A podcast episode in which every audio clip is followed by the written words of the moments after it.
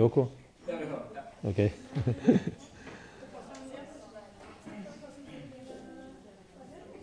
Og det betyder, at vi også kan starte. Velkommen til øh, andre forelæsning øh, fra min side. Øh, sidste gang, der tog vi udgangspunkt i, i noget meget konkret. Og en meget konkret kontekst, det var kapitel eller sura. Det er synonyme når det gælder Koranen. Kapitel 4, som hedder kvinde, og hovedet eh, øh, tema var kvinde.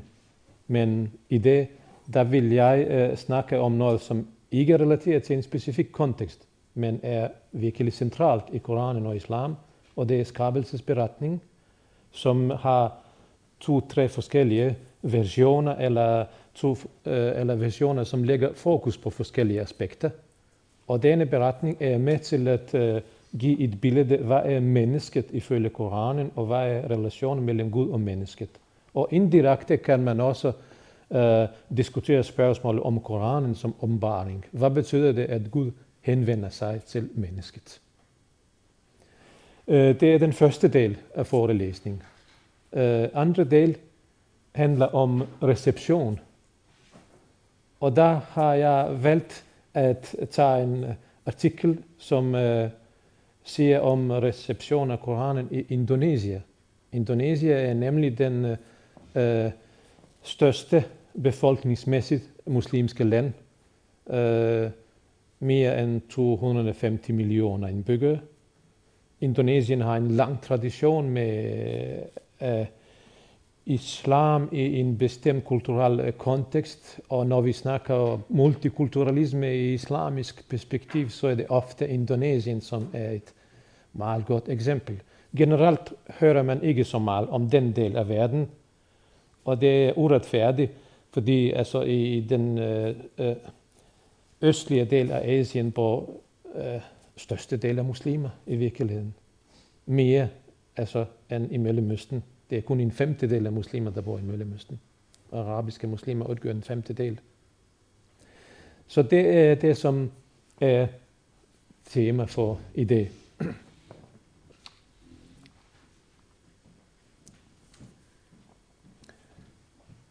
Et af de kapitler eller sura, som vi foreslår, det I skal læse, er 15. Og det var netop med henblik på at se øh, lidt om skabelsesberetning. Og denne kapitel blev åbenbart cirka 12 år efter begyndelse, eller 13. Det er lidt øh, forskelligt. Heller ikke helt sikkert, hvornår den blev åbenbart. Men i hvert fald mener de fleste koranexegeter, at den kom til Mohammed sidste år før hans udvandring, hijra, til Medina. Og så har vi teksten fra den norske oversættelseværk. Vi skabte mennesket af fugtig leje. Djinnene havde vi tidligere skabt af flammende ild. En gang så herren til englene, jeg vil skabe mennesket af fugtig lejre. Ja. Ja, det kommer vi til ved. Ikke identificere det er djinnene, englene og mennesket. Det er tre forskellige skabninger væsener. Det er et meget stort spørgsmål. Men lad os have hele fortællingen, fordi der er noget, som jeg synes er vigtigt.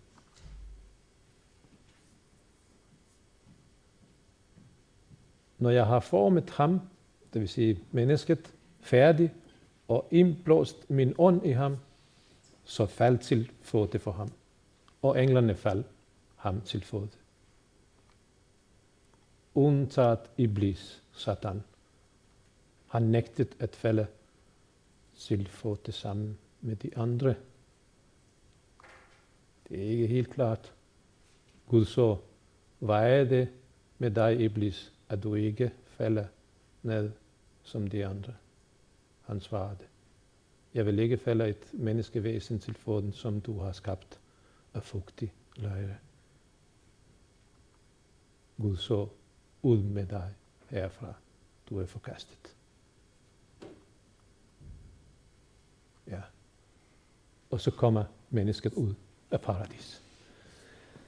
Ja, der er tre øh, væsener, mennesket, djinnene og englene. Djinnene og englene er åndelige væsener. Englene er perfekte væsener, og djinnene kan være både ånde og gud. Og eksempel på det ånde djinn er Iblis. Og denne Iblis er blevet gjort til Satan, shaitan. Hvad kan man forstå her? Der er en situation i paradis. Gud meddeler over englene og djinnene, at han vil skabe et væsen, mennesket. Og så beordrer han, at de skal falde ned. De skal bøje sig for det væsen. Det vil sige, at han har en særlig status. Og det gør de. Bortset fra en djinn. Og navnet på den djinn er Iblis. Og så bliver han Eh, øh, forbandet. Og fordrevet.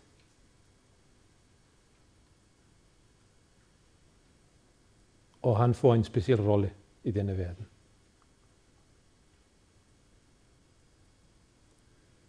Uh, Gud siger et andet sted i Koranen, jeg har skabt djinne og mennesker kun for at de skal tjene mig. Så djinn og mennesker er skabt med samme formål. Så nogle djinner er lydige, andre, som Iblis og hans efterfølger ikke. Og det er de sidste, der er synonym med djævlen.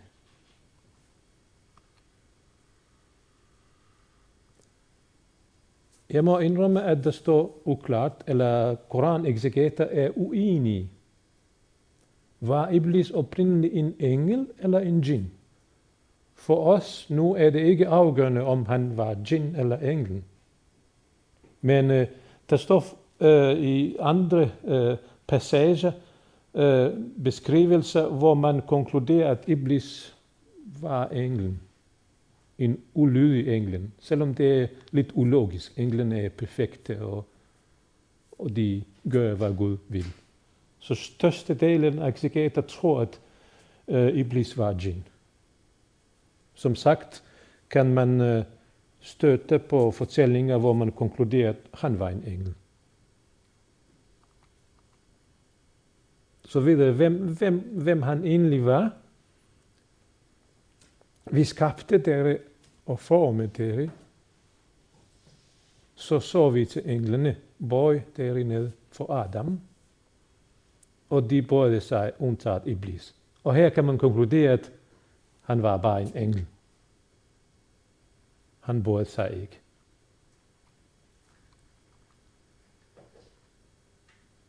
Og det er ikke det vigtigste. Det vigtigste er her, hvorfor han ikke gør det.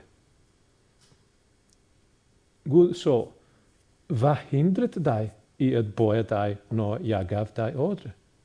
Han svarte, jeg er bedre end Adam.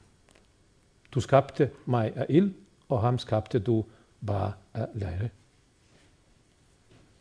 Og her har vi en forklaring. Og så bliver han sendt ud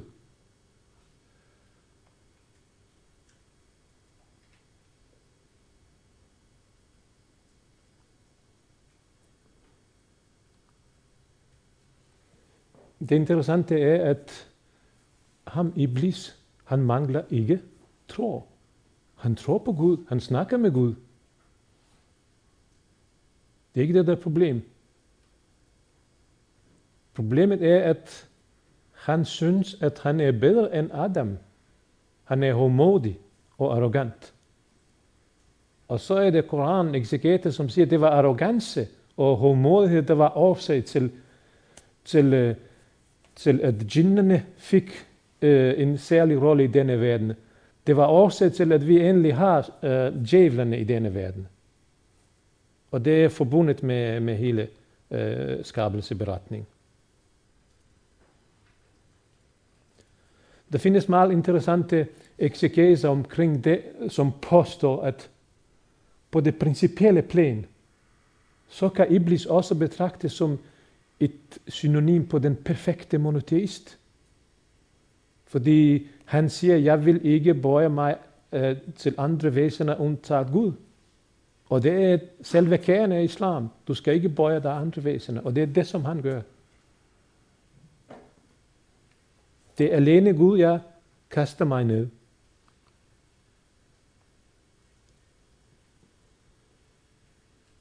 Man kan også konkludere, at jinn, ligesom mennesker, har fri vilje, og det er derfor, han modsiger Gud.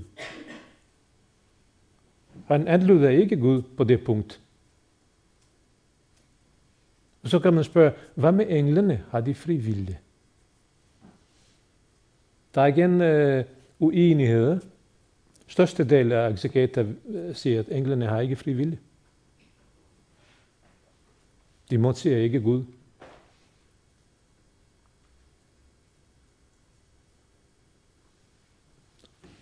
Og så kan man spørge, hvorfor overhovedet skabte Gud Adam? Og hvorfor skal djinnerne og englene bøje sig for ham? Var det noget med Adams øh, kvaliteter, Adams rolle? Hvad var hensigt med denne skabelse?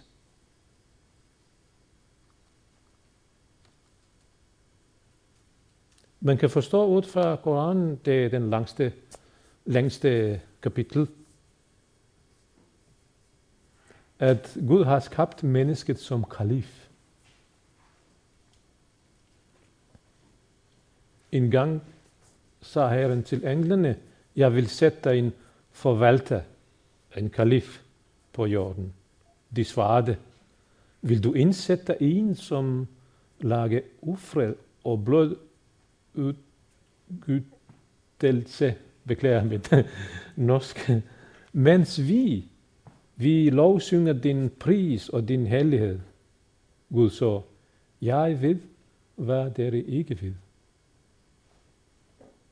De protesterer, englerne protesterer, at Gud vil skabe en kalif. Og som om, at de ved, at denne væsen vil skabe uro. Men Gud svarer, jeg ved, som dere ikke ved og han lærte Adam alle tings navn.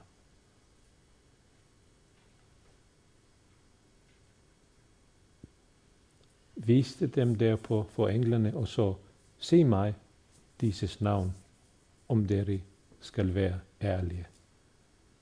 Han udfordrer englene for at give navne på de forskellige ting. Det kan de ikke. De har ikke fået viden om det. Men den viden har fået Adam. Og hvad betyder det, at man kan give navn på, på den ting? At man kender den ting? Hvad betyder det, at man kan give navn på, på, på, ja, på bordet? Vi ved, hvad det er. Det indebærer, at du kender væsen øh, af de forskellige ting. Så det var en væsentlig viden. Og det er en af de dimensioner, en af de elementer, som gjorde, at Adam fik en sær status i forhold til englene og djinnerne. Han fik en særlig viden, som de ikke vidste.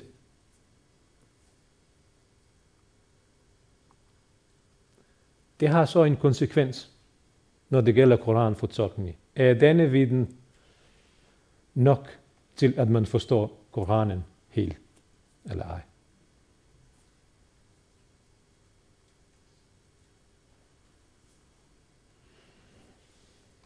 Det var så svaret fra englerne, at de kun øh, ved det, som de er blevet belært af Gud.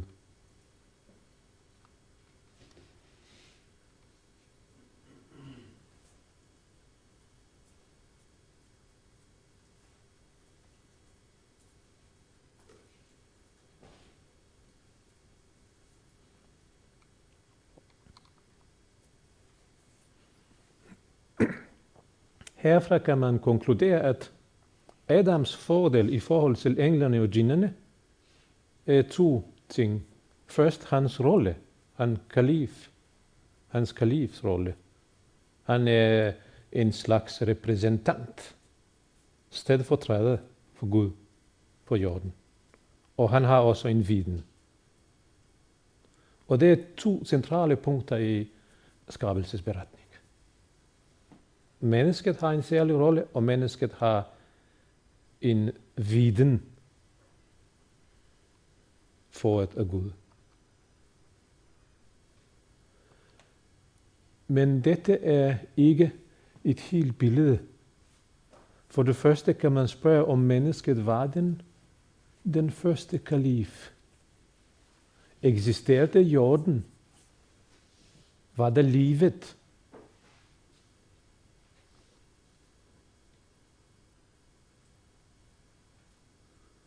Der står for eksempel i kapitel 35, han, Gud, er det eller den, som har ladt deri overtage kalifullah. Og let, ja. En kalif, øh, som sagt, er Guds stedfortræder, repræsentant. Og her kan man så spørge, når der står Gud lader, at nogen overtager, så må det forstås, at der allerede var nogen kalifer. Og derfra kan man forstå, at englene og djinnene protesterer. Vi ved ikke, hvordan livet var før, men de protesterer som, at i forvejen var det kalifer.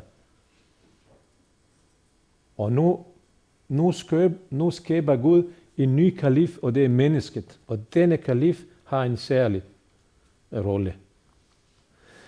Ja, et godt spørgsmål. Altså, I det snakkes det meget om kalifat og kalif som politisk leder. Og, at det har intet at gøre med denne skabelsesberetning. Nej. Den politiske kalif-rolle, den blev etableret efter Muhammeds død. Så kalif var profetens efterfølger. Naturligvis ønskede disse kalifer legitimere deres øh, politisk magt ved at henvise til Koranen og ved at påstå, at de er Guds kalifer. Men dette, dette harmonerer, og dette har intet at gøre med skabelsesberetning. Mennesket som sådan er kalifer. Mænd og kvinde. Alle. Der er ikke nogen religioner her. Vi snakker om Adam, som mennesket som sådan er kalif. Kanskje var det det, du, du havde i tankerne med, når du spørger, hvad er kalifen? Kalifen i dag er en politisk rolle. Kalifen i skabelsesberetning er menneskets rolle som skabt af Gud. Ja. Den tredje element, som er med til at komplettere uh, billedet af skabelse, omhandler uh, en tillidspakten. Uh, øh, der er islamforsker, korankender, filosofer, og en af dem er den øh, franske øh, filosof og orientalist Henri Corbin. Jeg ved ikke, om I har hørt.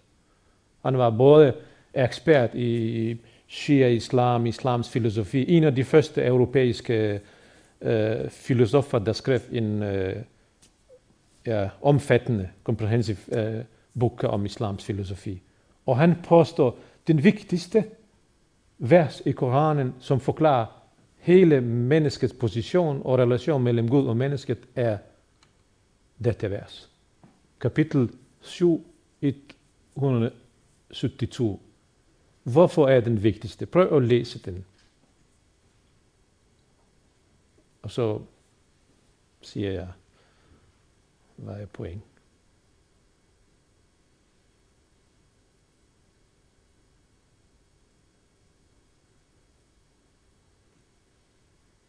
Hvad kan man forstå her? At Gud ligesom samler alle Adams efterfølger, og så spørger dem, er jeg deres herre? Og de svarer, ja, vi stadfæster det. Og så skal de være opmærksomme på, at på dommedag skal de bekræfte. Men så, dette var vi sandelig vi skal ikke sige, at dette var vi sandelig ikke opmærksomme på. Det indikerer, at det, det er en stor ting.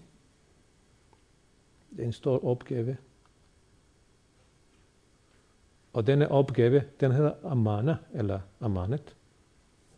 Det er tillidspakten. Før Gud spurgte øh, menneskerne, Adams øh, efterfølge, så blev denne tillidspakten tilbud himlene, jorden og fjellene.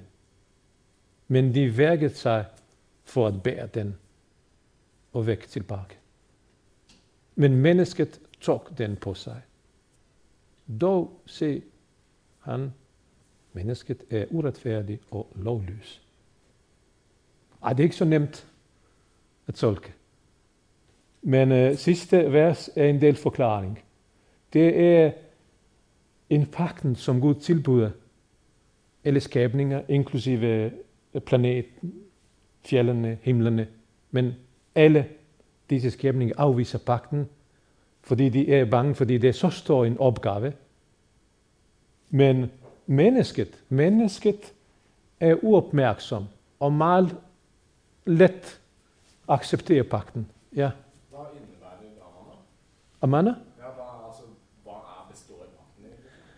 Pakten består i, at de skal vidne for Gud i denne verden. Meget enkelt. Og pakten er vidnesbyrd. Og det er trosbekendelse. Og derfor siger man, ja, trosbekendelse er at vidne for Gud. Meget nemt. Det er det mest vanskelige. Uh, jeg har lidt problem med den sidste del af verset. Dog se, han er uretfærdig og lovløs. Det er norsk oversættelse. Altså arabisk lød, altså øh, den sætning siger, Innahu kana zaluman jahulan. Og så er det de to begreber, zulum, zalum, det betyder uretfærdighed. Og den sidste, jahulan. Jahil betyder uvidende. Og jeg mangler jo øh, den, øh, det ord viden i, i den norske oversættelse. Hvis man læser for eksempel na, dansk oversættelse, så står der, han, mennesket, handler uret og er uvidende. Så det er jo, synes jeg, meget mere korrekt, den danske oversættelse. Fordi videnhed er, er meget vigtigt.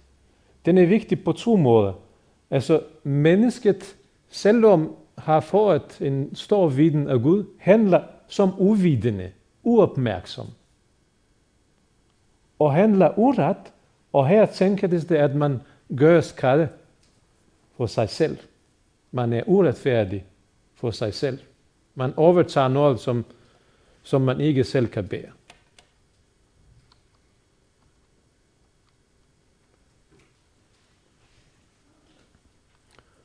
Og så livet øh, på jorden. Kampen med Iblis.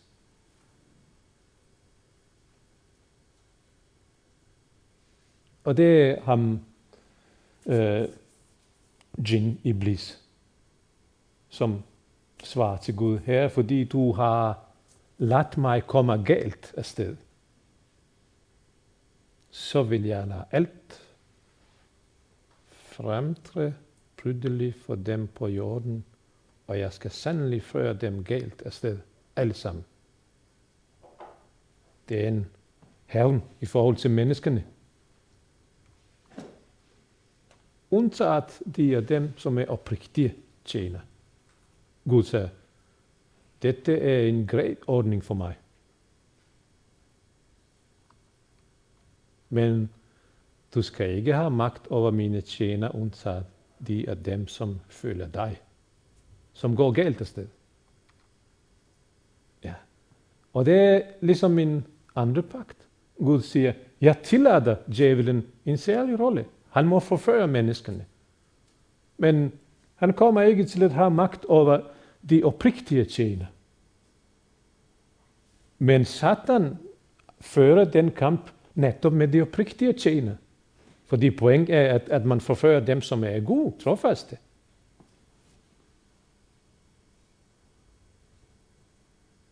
der kan man fortælle en, en fin vittighed øh, fra mit hjemland. Ja, altså muslimerne i Bosnien, hvor jeg er født og opvokset, har ikke altid overholdt øh, reglerne, specielt ikke når det gælder alkohol. Flere har drukket alkohol og har praktiseret også øh, islam, øh, forsøgte at forsone de der ting. Og så var det en, som var vidende og delvis praktiserende, havde god relation til, til en imam, og på et tidspunkt mødes de øh, mænd, som har drukket sig fuld, spørger imamen, imamen, hvem tror du, jeg er sammen, er, er, er djævelen hos dig eller hos mig? Så siger imamen, sikkert hos dig. Siger, nej, nej, han er hos dig hele tiden. Han er færdig med mig. Vi har ikke nogen relationer nu. Så jeg er fri fra djævelen, men det er du ikke. Det vil sige, poeng er netop, at, at dem, som prøver at være muslimer, og prægtige har en relation til Gud, bliver hele tiden øh, angrebet af Iblis. Og det er et punkt, som jeg vil komme efter pausen, som øh, går i retning af reception af Koranen. Så mennesket har to, to slags våben for at modstå denne angreb fra Iblis. Og det er tro, at man tror på Gud, og det er også viden. Og begge kan svinge. Fordi mennesket beskrives i Koranen også som et glemsomt væsen. Et væsen, som glemmer. Og et svagt væsen, det var det, jeg startede det første forelæsning. Mennesket er svag. Og det er netop svag på de to ting. Tro og viden svinger. Og så har vi reception. Ja. Hvordan bruger man Koranen for at forsvare sig fra de mulige angreb fra djævelen? Eller hvordan bruger man for Koranen for at beskytte sig, for at djævelen ikke er i nærheden af dig? Og der har man et vers. Det er en lang vers, kendt som trones vers, ayat al-kursi. Den beskytter for shaitan. I muslimske huse, så har man dekorationer, og en meget øh, øh, kendt øh, levha, kalligrafisk, det er netop dette vers. Når man hænger det på væggen, så er det en slags beskyttelse. Huset bliver beskyttet. Er der nogen, der kan læse det? Vanskeligt.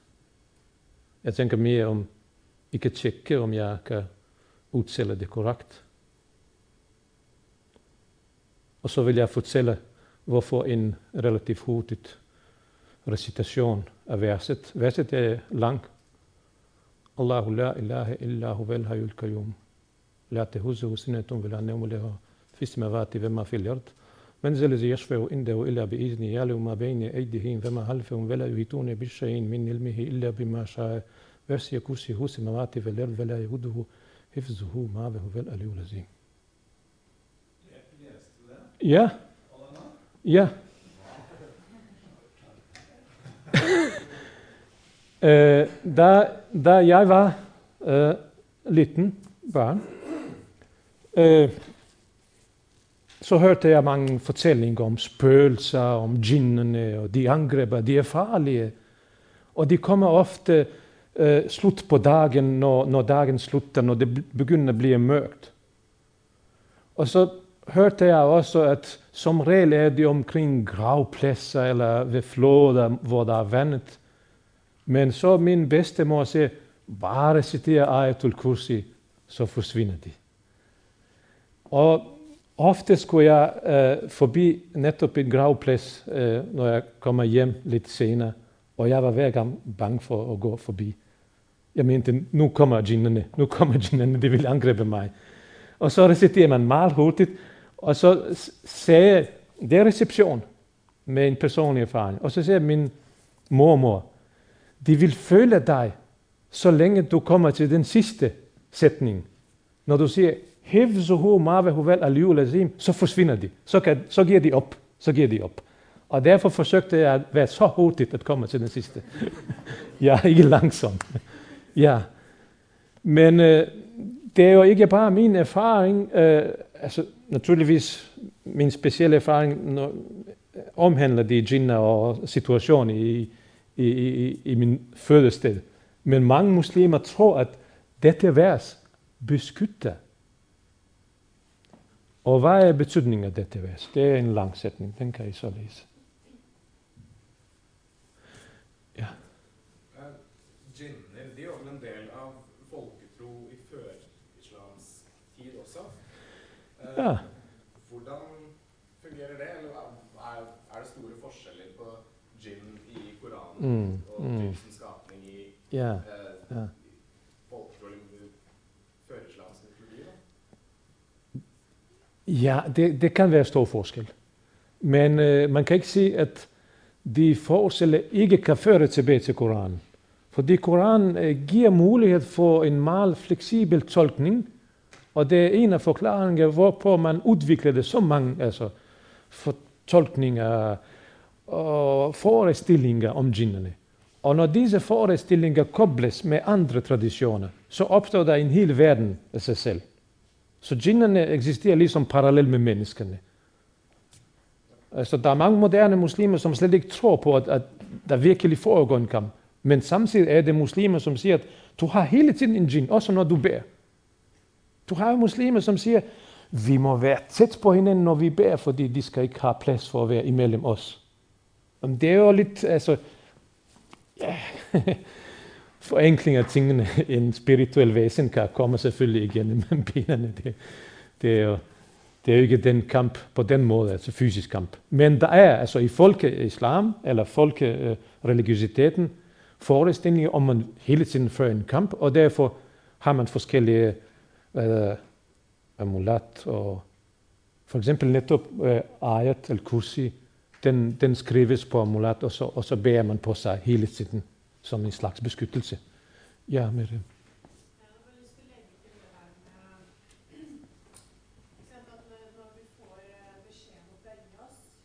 Mm. Mm. Mm-hmm.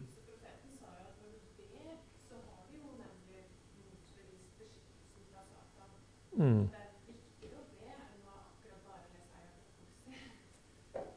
Ja, ja.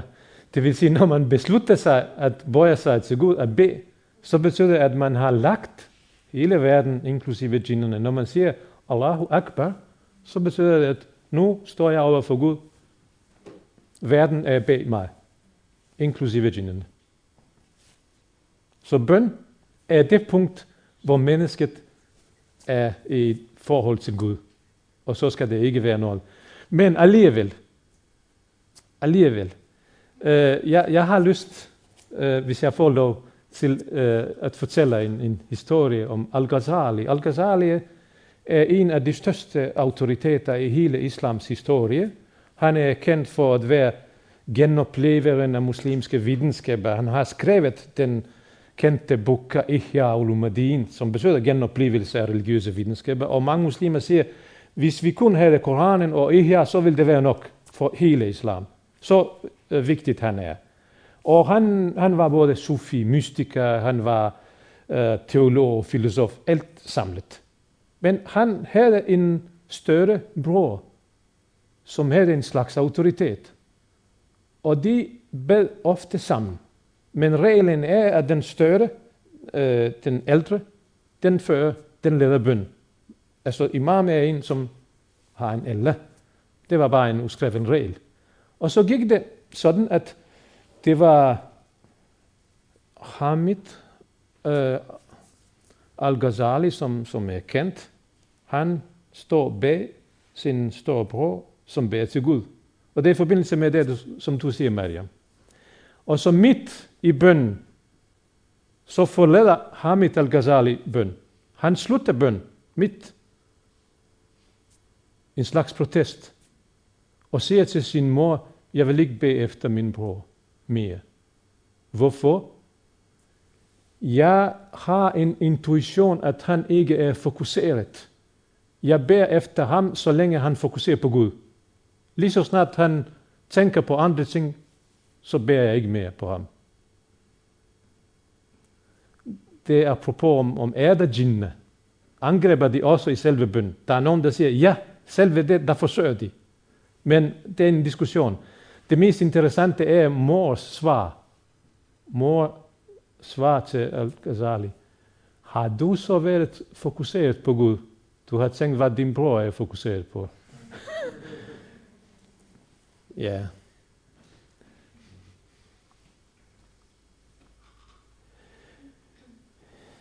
Ja, Adam var ikke alene. Altså, vi slutter snart første del i paradis. Og det, nu har vi den samme historie, som vi kender fra Bibelen. Adam og Eva fik eh, forbud mod at spise fra et frugt. Tre.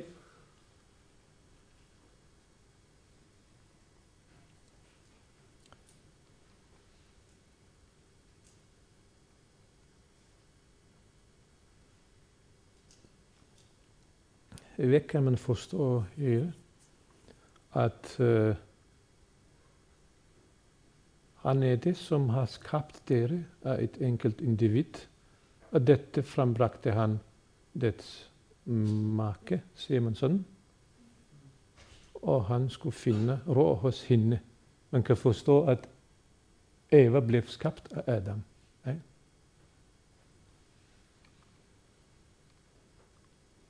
Hvordan?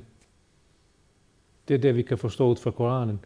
Men ifølge hadith, så blev Eva skabt af Adams ribben. Og det er det, der svarer til den bibelske fortælling. Ja. Hadde muslimene på Muhammeds tid hadde de tilgang til det kristne livet? Den jødiske kristne?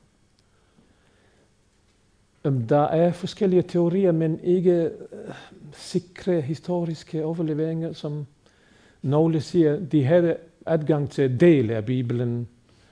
Det var en mundtlig kultur, altså ja, andre siger nej, ikke fordi de kunne heller ikke læse Koranen, så har de heller ikke læst Bibelen.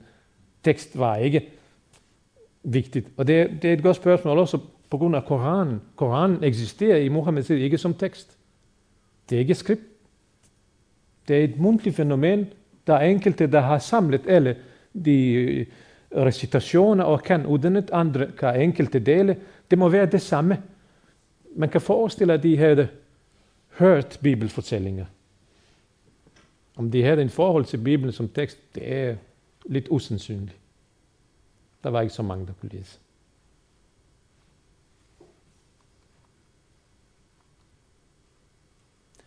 Øh, Det, der er forskelligt fra den muslimske eller koranske skabelsesberetning i forhold til, til den kristne eller bibelske, er, at Adam og Eva, efter de har begået synd ved at spise den forbudte frugt, så blev de tilgivet. De angrede.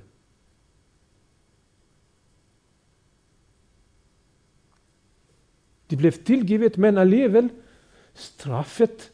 De blev sendt på jorden. Og straffen består i, at de skal leve uden for paradis, og så må de føre en kamp med Iblis, med shaitan. Og derfor jihad har en meget vigtig rolle.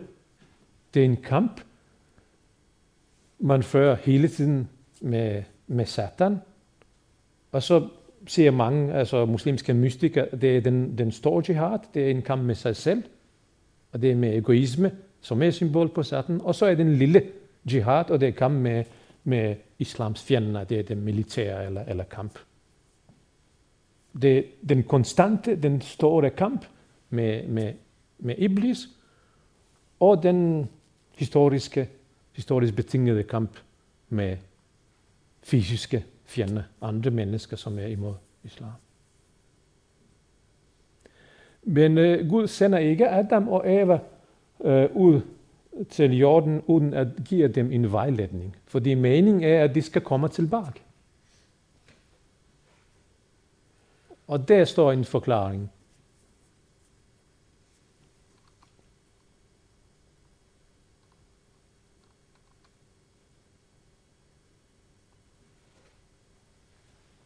Og det er den sidste vers, der, der giver den forklaring.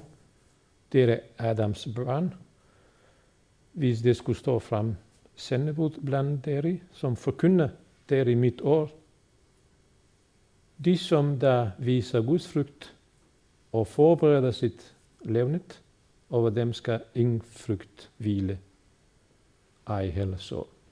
Altså Gud vil sende nogle budskaber til efterkommere af Adam, og de, der accepterer disse budskaber, vejledninger, det ombaringer, de skal ikke frygte. Ja. Så tror jeg, jeg vil slutte første delen her. Ja, spørgsmål?